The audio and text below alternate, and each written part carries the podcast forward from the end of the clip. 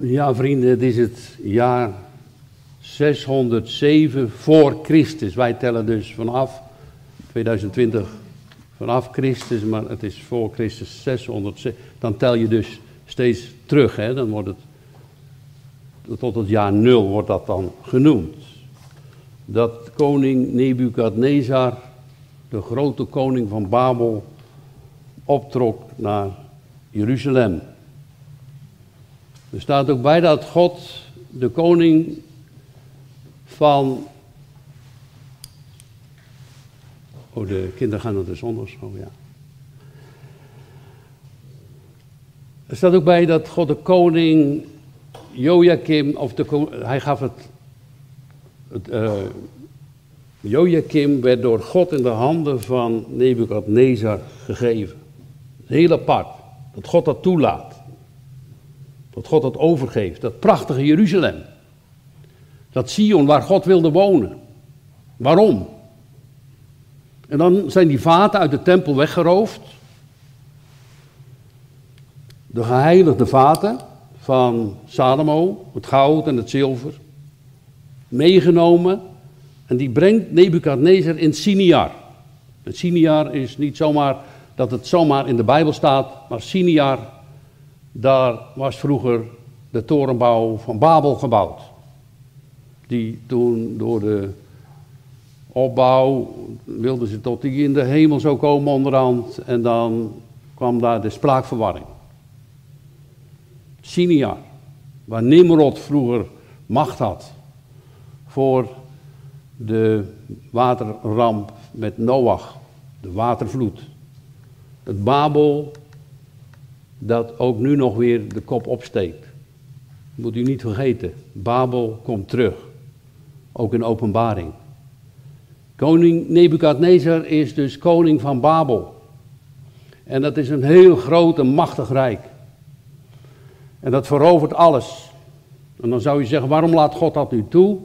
Dat de kinderen, zelfs de kinderen weggevoerd worden, dat de tempel ingenomen wordt, dat de schatten uit de tempel geroofd worden.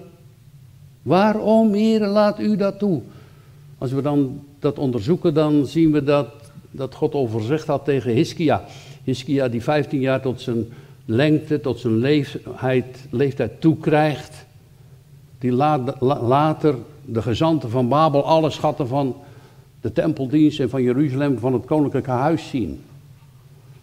En toen heeft God gezegd, dadelijk komt er een koning en die zullen de prinsen meevoeren, afvoeren naar Babel. Dat gebeurt. Gods huis wordt woest gelaten. Wat we heel vaak zien, wat, en daarom zingen we toch dat de stad Jeruzalem het Sion van God is. En dadelijk het eeuwige Jeruzalem. Dat God de overwinnaar was. Dat God de overwinnaar is. En dat God de overwinnaar zal blijven. Over Babel, over de wereld, over alles. En het is voor ons een goede zaak als we aan die kant van de Heer mogen staan. Als we aan de kant van de Heer Jezus Christus mogen wandelen. Als we bij Hem mogen horen. Want dat Babel in de wereld, dat trekt aan alle kanten.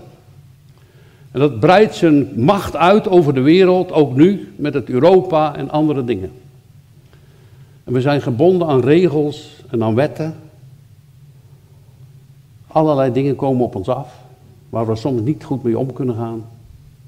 Hier zien we dat ook. Wat een verdriet moet dat geweest zijn voor de kinderen van Israël, voor die prinsen, die jongelingen. Dus dat waren prinsen uit het huis van David, waar God van beloofd had dat hij een eeuwig koningschap zou hebben. Die werden weggevoerd. Wat een verdriet moet dat geweest zijn voor die jongens. Hun land kwijt.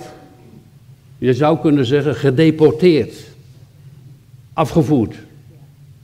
Weg met hen. En niet alleen dat ze dus gedeporteerd werden, maar ook hun kerkdienst was weg, hun gemeente, hun tempeldienst, de dienst van God was weg.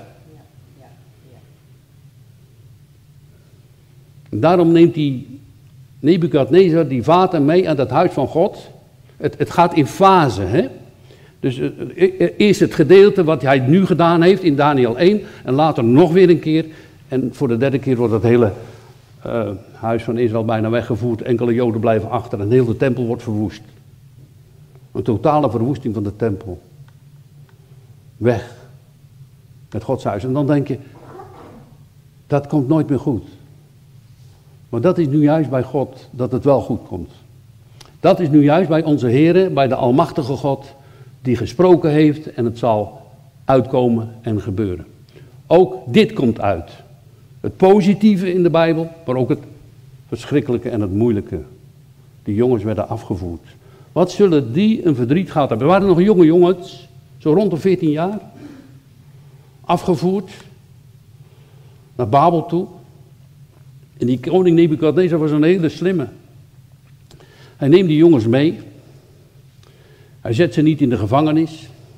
Hij maakt ze niet kwaad of boos. Nee, ze krijgen een geweldige positie en een geweldige opleiding door Penezas aan het Rijk van Babel.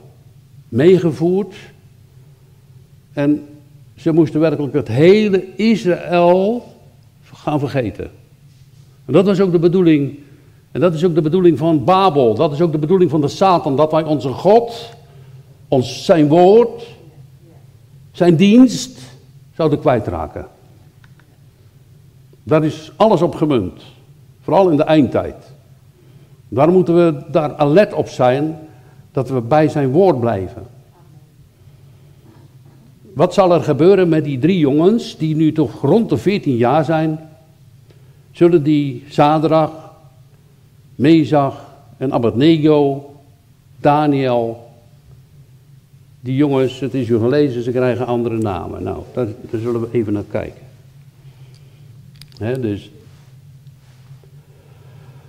Daniel wordt Belsazar genoemd. Nou, de Belsazar, dat is een afgodenaam. Anania Sadrach, Michael Mesach, Azaja Abednego. Ook Nego, dat is ook zo'n afgodenaam. Ze kregen werkelijk um, afgodische namen. Wat moesten ze nu doen? Ze werden dus uit hun land getrokken. Ze werden dus uit de dienst van God gehaald. Hun namen werden veranderd.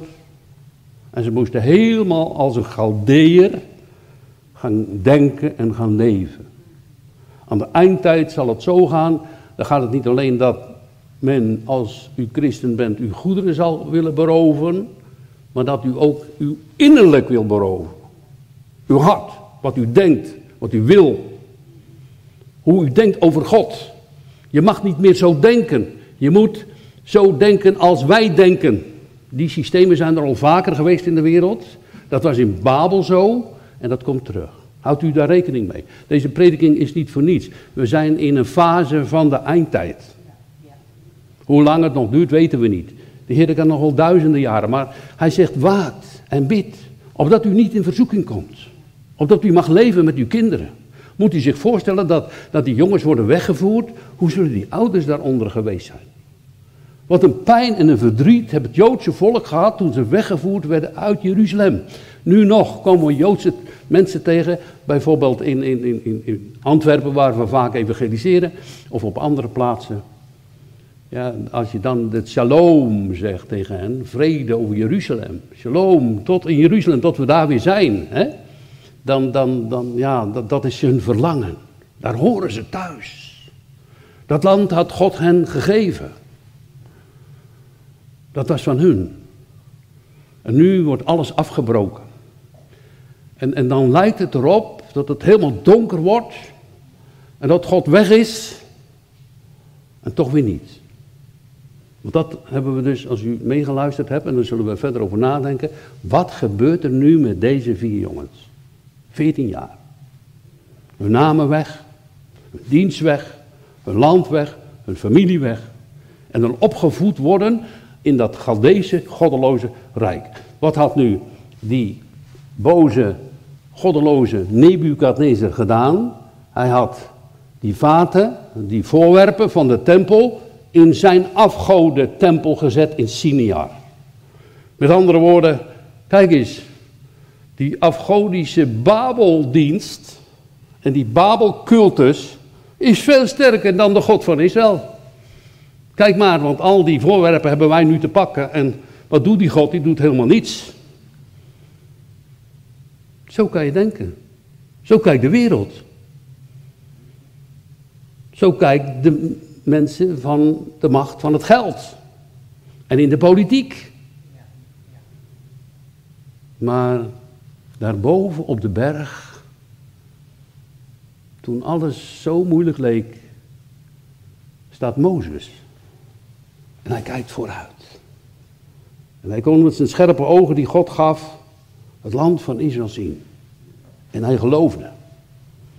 Het geloof is de overwinning.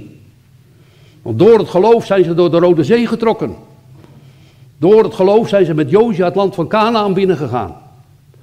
Door het geloof zal Gods kerk en Gods gemeente stand houden in de dienst van God. Hoe moeilijk het ook zal zijn. Hoe aangevallen hier ook door deze jongens. En hoe ver weg en een groot verdriet. Als u daarover leest in een van de psalmen, daarachter in uw psalmenboek, dan staat er, ja, aan Babel, daar zaten wij. Ze hadden gevraagd, willen jullie niet een lied zingen over Jeruzalem? Nee, dat kunnen we niet, kunnen we niet. We hebben onze harpen aan de wil gegangen.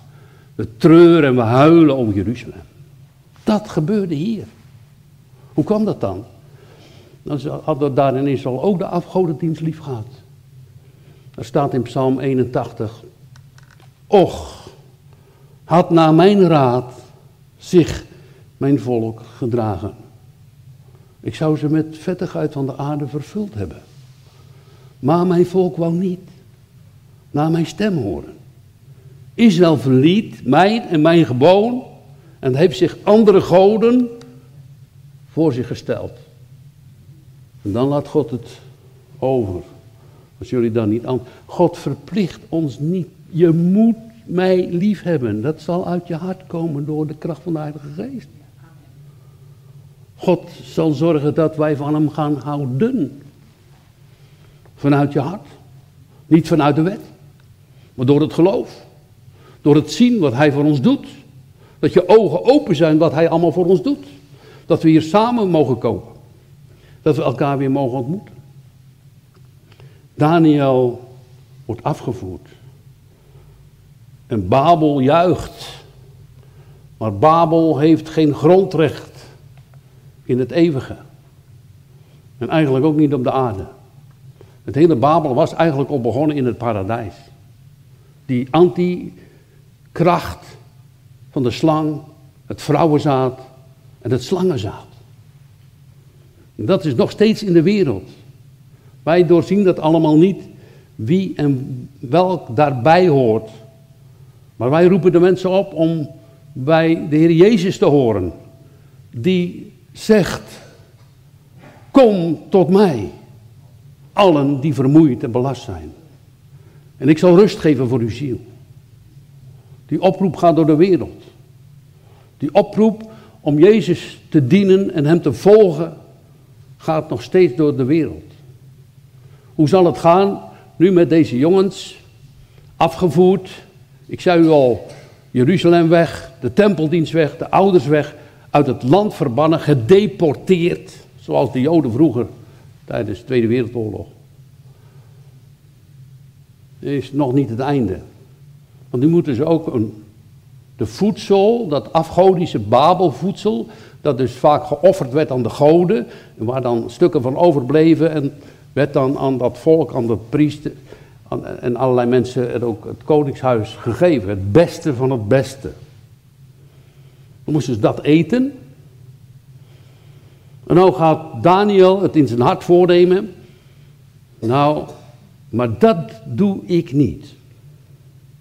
Dat zijn naam veranderd werd, kon hij niet tegenhouden. Belshazzar. Nou, uh, hij wordt nog steeds Daniel genoemd, hè, door het hele boek Daniel heen. God blijft hem zijn naam geven. Daniel betekent God is rechter. Prachtige, prachtige goddelijke naam. God is rechter over de wereld. God is rechter over Babel.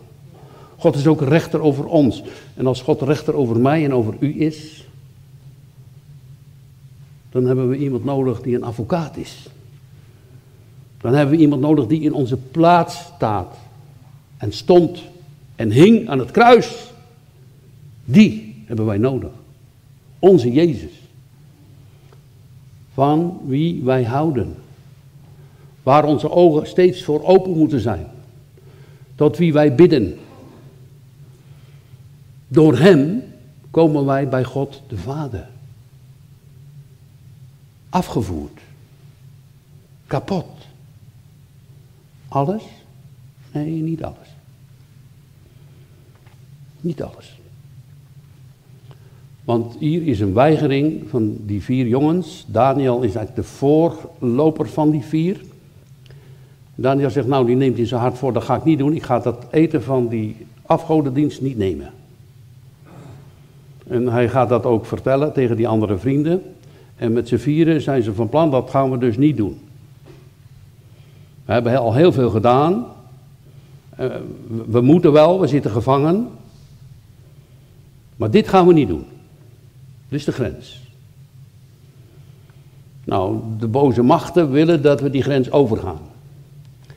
En als we voor zulke situaties komen, dan moet u er maar op rekenen, dan wordt er echt aan je jas getrokken.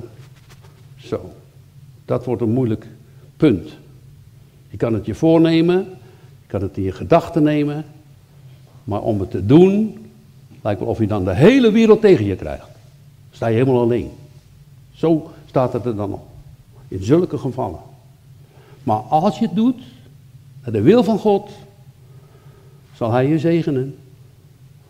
Zal Hij jou met zijn liefde omringen. Zal Hij laten zien dat jij bij Hem hoort als een kind van God. Zal die God jou uit de diepte redden. Leest u daarover Psalm 34. Hij zal zoals zijn engelen gebieden dat ze u op reis beveiligen. Die God, die ziet naar het hart. Die kijkt en weet wie horen bij mij en wie niet. Daar gaat het om. Dus dat deden ze niet. Dat wordt dus verteld tegen die kamerheer, hè, die, die, die, die, man die die jongens moet opvoeden. En, en die zegt, ja, wij gaan dat eten niet nemen. En, en die kamerheer die zegt, ja, maar als, als jullie dat doen, en je ziet er dadelijk slecht uit, ja, dat, dan, dan heb ik een probleem. Want de koning Nebukadnezar zal zeggen, wat is er met die jongens? Moet je kijken hoe slecht dat ze eruit zien. Want die hebben alleen maar graan gegeten en een paar vruchten en water. Eens kijken hoe slecht dat ze eruit zien. En, en, en dan kost het mij mijn hoofd, hè. En dan gaat Daniel, die legt als het ware een test voor. Zoals dat je nu ook die examens hebt op de school, weet je wel. Moet je een test doen. Laten we dat maar eens testen op tien dagen. Nou ja, u weet allemaal wel. Als je. Tegenwoordig is het precies andersom, hè? Dan, dan, dan, dan wil je er dus een beetje minder zwaar uitzien. De meeste dan toch, hè? Maar ga nou eens tien dagen lijnen, maar dan val je natuurlijk niet af dat je dus, dat ziet er mooi uit. Nee, tien dagen is natuurlijk peanuts. U begrijpt wel, tien dagen oefening over voedsel, hoe je er dan uit zal zien. Ja, dan moet je toch wel een beetje langer mee aan de gang gaan, toch? Dat werkt niet in tien dagen, toch? En dan zien we gelijk, als dat toch gebeurt, dat het een wonder van God is. Dat God het geeft. Dat God het gedaan heeft. Dat God daarin, daarbij was. Want ze gaan de test aan. Nou goed, zegt die uh, Pagneas. Hij zegt goed, tien dagen geef ik jullie. En ze eten vruchten. Niet die zwijnenvlees en niet die, die wijnen van die afgodentempel. Niet al die dingen. Hoe gaan wij, ja, wij hebben geen zo direct spijswetten. Alhoewel alles niet gezond is, dat weet u. Rook is ook niet gezond en heel veel dingen, wijn en veel alcohol is ongezond. Daar, daar mogen we best voor ons lichaam wel rekening mee houden. dus dat je jezelf daar ook in, geen kwaad doet, toch? Maar hoeveel andere dingen van Babel komen niet ons huis binnen? En hoeveel machten zijn er niet die aan onze jas trekken om naar Babels wetten en leer te gaan leven? En hoeveel verplichtingen zullen we niet op ons krijgen wat we allemaal wel of niet moeten doen? Ook in deze tijd van corona. Dan zeggen ze, nou, uh, verplichte inenten. Nou ja, dat is een keuze. Daniel zegt, dat doe ik niet. Ik ga die spijzen niet nemen. Nou, dat is een persoonlijke keuze. Ik denk dat die anderen dat wel gedaan hebben, want ze hadden er wel bij gestaan. Er waren natuurlijk meer van die jongens afgevoerd. En dan werd het verschil werd dadelijk wel gezien. Ik ga hier niet eh, voor of tegen eh, fascinatie eh, prediken, maar wel wil ik de achtergrond onderzoeken. Welke stoffen zitten daarin? Wordt mijn DNA niet veranderd?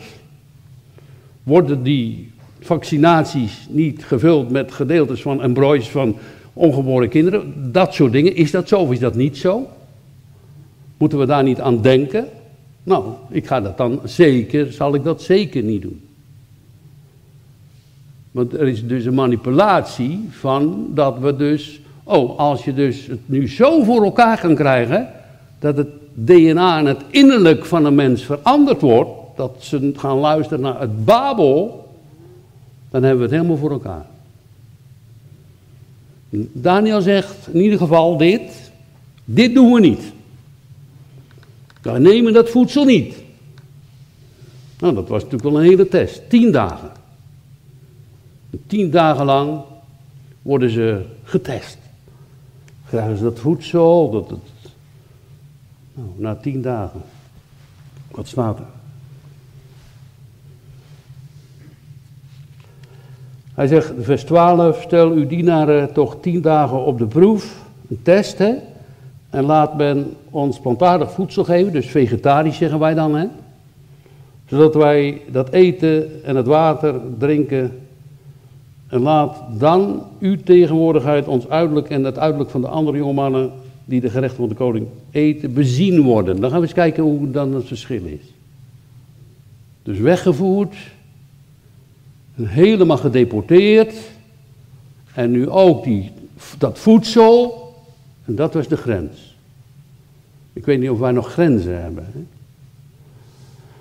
Een grens van wat doen we wel of wat doen we niet. Nou, die grens kan best verschillend zijn. Van de ene voor de ander.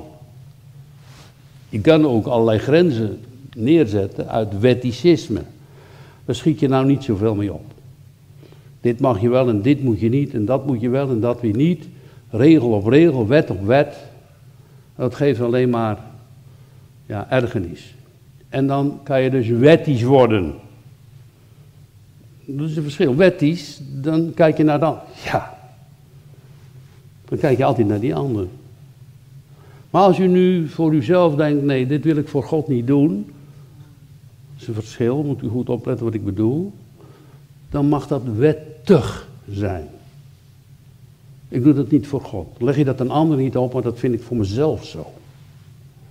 En dat kan verschil in zijn bij de een of de ander. Dat is misschien uw cultuur, of uw opvoeding, of andere dingen. Er zijn natuurlijk hele vaste regels in het woord van God. Ga je zo die doden, echt breken, dieverij. Dat is duidelijk. Maar er zijn ook andere grenzen die wij voor ons kunnen nemen. En dat rekverband is al zo ver uitgerekt dat bijna alles komt zomaar onze huizen binnen en onze harten binnen. Het hele Babel, het hele zootje van Babel. We moeten ook zo gaan denken. Die manipulatie is volop bezig in de kerk en in de wereld. God geeft soms onderdrukking. En door de onderdrukking is niet altijd negatief. Onderdrukking is soms ook positief. De Bijbel leert de drukking van de melk brengt boter voort. En de drukking van de neus bloed niet aangenaam. Is pijnlijk. Is moeilijk. Maar dan gaat er wel een geroep tot God. Dat zullen die vier vrienden zeker gedaan hebben. Ze hebben God aangeroepen. Heer, dit kunnen we niet doen.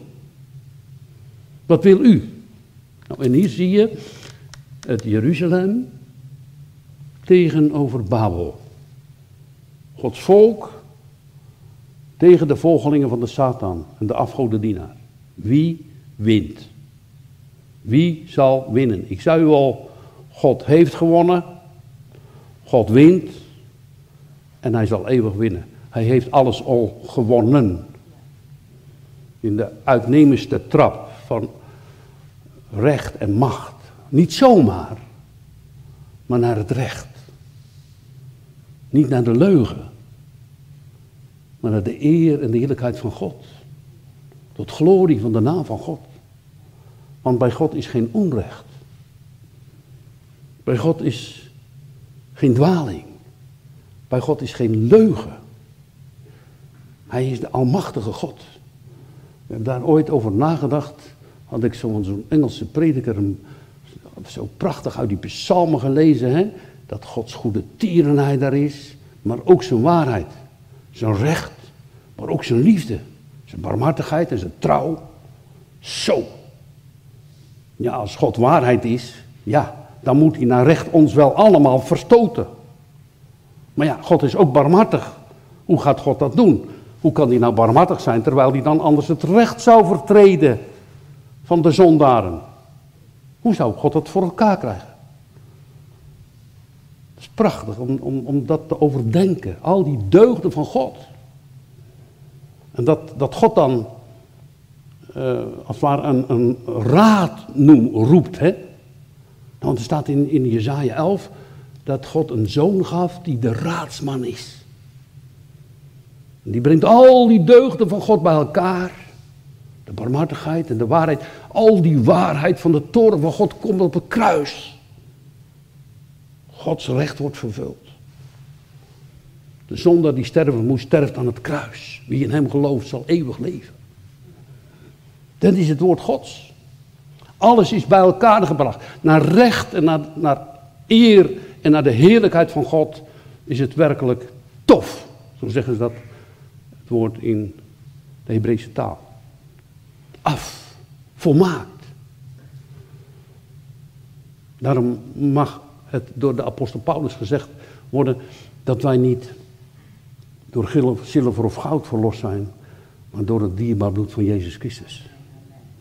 De eeuwige Zoon van God, die leeft. Wat zullen de jongens doen? Nou, ze hebben dus niet gegeten.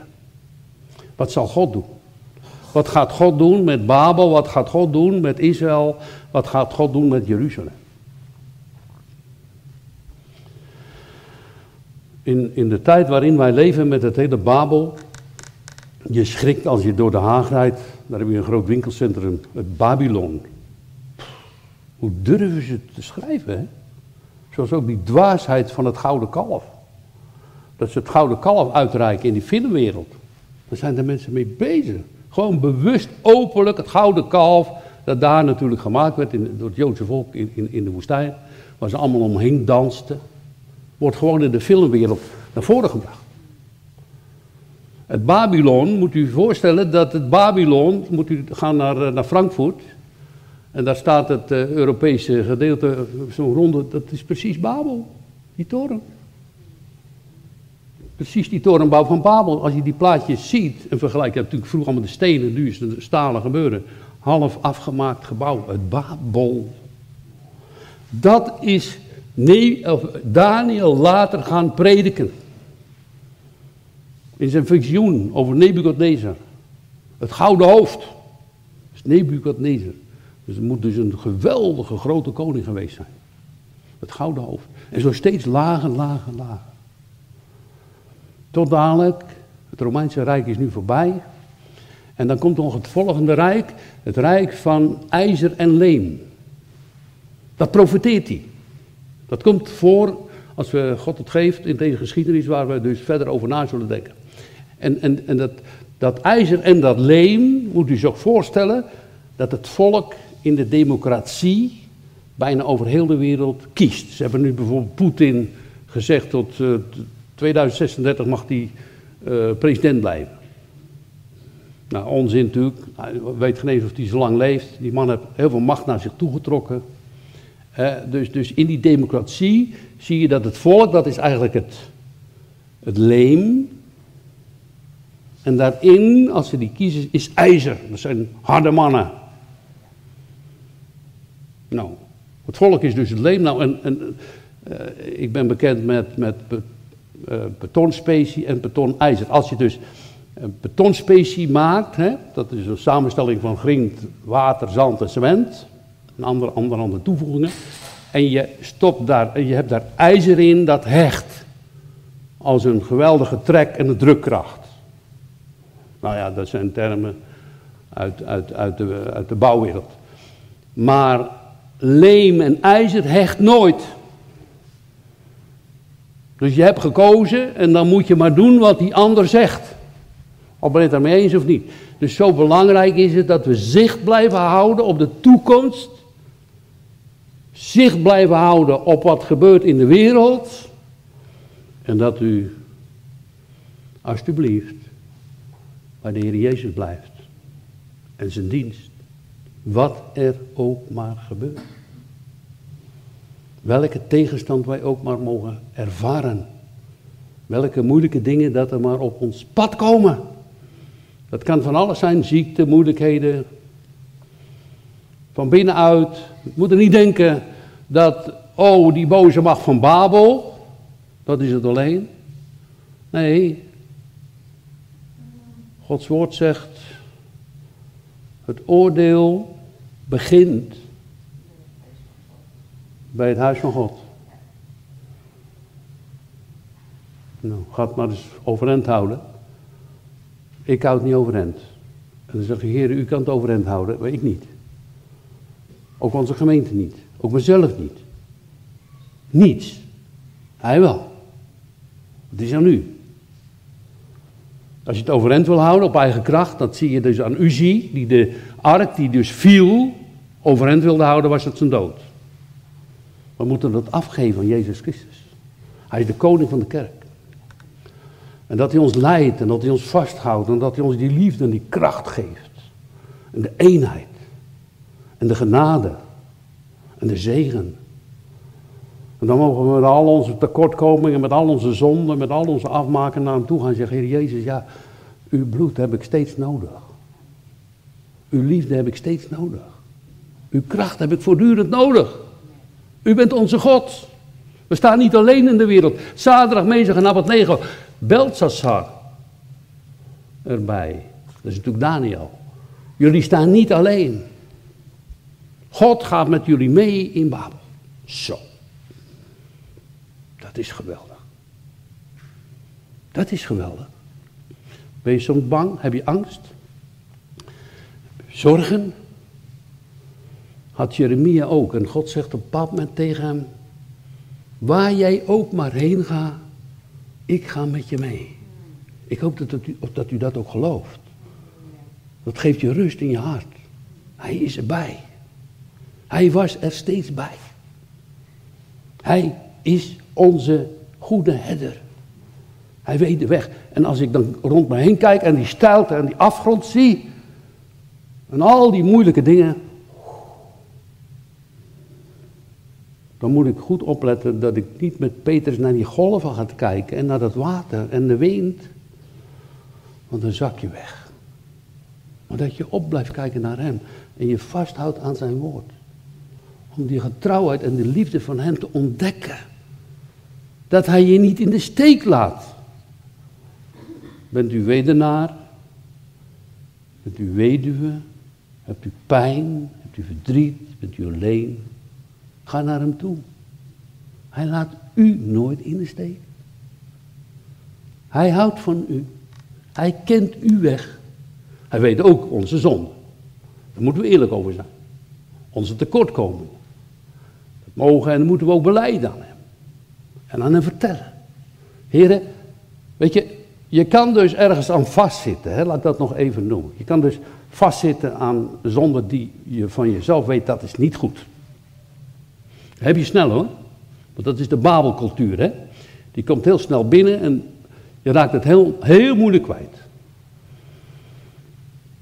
Wat moet je dan doen? In de eerste plaats vertel het aan hem. En erken dat je jezelf niet kan verlossen. Want de naam die God, die zijn gegeven zoon Jezus Christus heeft, is verlosser. Verlosser. Heb je zo nodig, van gedachten soms, van moeilijkheden, van zorgen, van, van, van verslavingen, van noem maar op. Vul u het maar in. Hij is verlosser. Die ging dus met Belgische stad zaterdag Mezig en Abednego. Die andere namen dus, schrikkelijke namen, afgodennamen, mee. En na tien dagen zagen die jongens er zo geweldig mooi uit. Dat was natuurlijk een wonder van God. U kan zich toch niet voorstellen dat, stel je voor, ik ga nu tien dagen vegetarisch eten en dan zie ik er in één keer dertig jaar jonger uit. Dat, dat, dat kan u niet geloven. Dat, dat, gebeurt natuurlijk ook niet. Het was dus echt een wonder van God. Hè? Tuurlijk kan je wel, wel, wel eens wat bereiken, maar, maar, dit is echt iets dat je denkt, ja, hoe kan dat? Dat heeft die uh, ook gezien en gemerkt. En, en dan staat er, hij luisterde dus naar die zaak en na tien dagen stelde hij hen op de proef. En aan het einde van die tien dagen zag men dat hun uiterlijk knapper was en zagen ze er gezonder uit dan alle jonge mannen die van de gerechten van de koning hadden gegeten. Dus die andere jongen hadden wel die wijn en al die afgoden uh, voedsel genomen. En die zagen er veel slechter uit. En toen denk ik, hè? Nou. Toen gebeurde het dat die kamerheer hun gerechten en de wijn die ze moesten drinken wegnam. En ze hen voortdurend dat plantaardige voedsel gaf. Het is helemaal niet verboden dat je als isoliet eh, vlees eet of vis, helemaal niet. Maar dit was afgodendienst. En nu heeft Gods volk in de naam van Jezus die test doorstaan en gewonnen. Het lijkt iets heel kleins, maar er staat dan ook dat God aan die jonge mannen gaf kennis, verstand van allerlei geschriften en wijsheid. Dus ze waren plotseling ook door Gods genade en door de Heilige Geest, die zeker altijd er al geweest is. Hij is natuurlijk in grotere mate op de handelingen uitgestort, maar toch, de Heilige Geest is ook een scheppende geest. Hadden ze dus wijsheid van God gekregen en ontvangen. En, en de psalmen leren het ook, hè, de vrezen des Heren is het beginsel van alle wijsheid. Alle die ze doen hebben goed verstand. Dus je bent er niet slechter mee af. Het lijkt altijd dat je slechter mee af bent in de dienst van God, maar je bent er beter mee af. Je ogen moeten daar ook voor open gaan. En, en, en uh, Daniel krijgt dus de gave van dromen uit te leggen, zoals uh, Jozef, en ook de visioenen. En dan zie je plotseling dat al is alles afgevoerd, God zijn controle door deze vier mannen houdt over het hele wereldgebeuren. Kan God heus op een andere manier, maar God heeft het zo gedaan. Hij houdt de controle over dat hele Babel.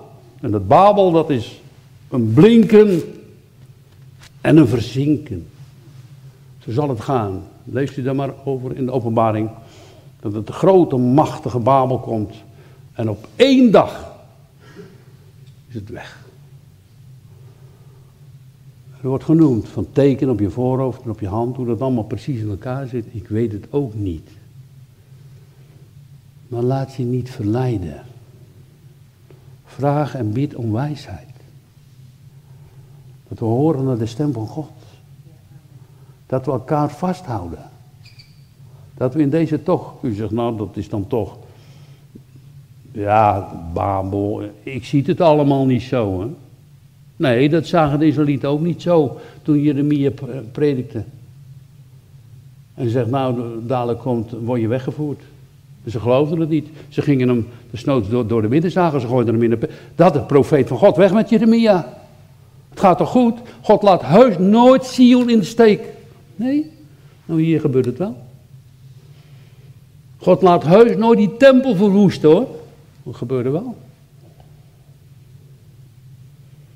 Maar God heeft gezegd, er komt een nieuwe hemel, er komt een nieuwe aarde, waar de gerechtigheid op woont, waar de zonde niet meer thuis hoort. En hij zelf zal voor ons de tempel zijn. We hebben geen licht meer nodig, geen zon, alles zal zo heerlijk zijn. Dat Jeruzalem, dat eeuwige Jeruzalem, dat zal ook... Kijk, dat staat ook, moet u opletten, hè, dat als u Hebreeën 11 leest over Abraham... En je zou zeggen, nou, ik wil naar Jeruzalem, dat is het dan. Hè? De Joden kunnen nu zo denken, misschien nog andere mensen, christen ook. Dat moet weer helemaal opgebouwd worden en de tempel. En hoe het zal gaan, weet ik niet. Maar Abraham zocht hier niet een stad ter woning. Want deze wereld ligt onder de vloek. Maar hij zocht het hemelse Jeruzalem, dat uit de hemel neerdaalt met de twaalf palenpoorten, waar God koning is en hij u met alle liefde en angaar zal ontvangen. Kom, gij gezegende van mijn vader, beërf het koninkrijk. Dat voor lang van voor de grondlegging al voor u weggelegd is. Zoek daarnaar. Vind Jezus, want met Hem is de erfenis. Met Hem is de overwinning. Met Hem is de toekomst. Tot eeuwig leven. Wat er gebeurt, ik weet het niet. Maar dat ik het zo'n geweldige goede tijd vind, dat vind ik niet. Misschien u wel, maar ik niet. Want wat ik mij ook opvalt, in het algemeen, ik weet niet precies bij u, maar met heel het gebeuren dat we dus niet naar de kerk konden, hoorde ik niet een geroep en een bidden om vergeving en een terugkeer tot God bij de kerken. Ik vind het allemaal best zo, is makkelijk toch? Heel lekker thuis met een bak koffie naar de kerk uh, kijken toch? Is dat toch allemaal nog oké? Maar het is toch niet oké.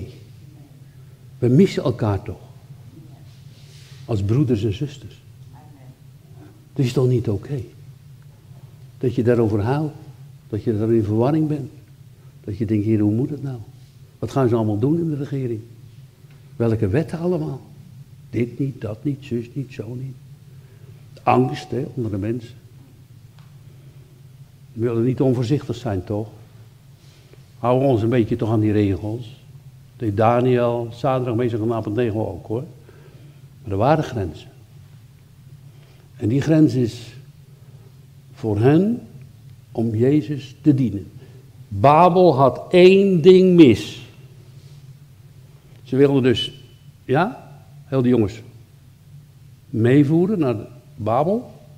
Hun namen worden veranderd. Weg uit de tempeldienst van God. Ander voedsel, nou dat lukte dan niet. Maar één ding hadden ze fout. Dit waren al kinderen van God. Die vier jongens. Op 14-jarige leeftijd. God had al, hen al betaald met zijn bloed. En dat laat hij nooit meer los. En God laat door hen wonderen zien. En genade. Dat wij de weg van Jezus zullen volgen. Amen.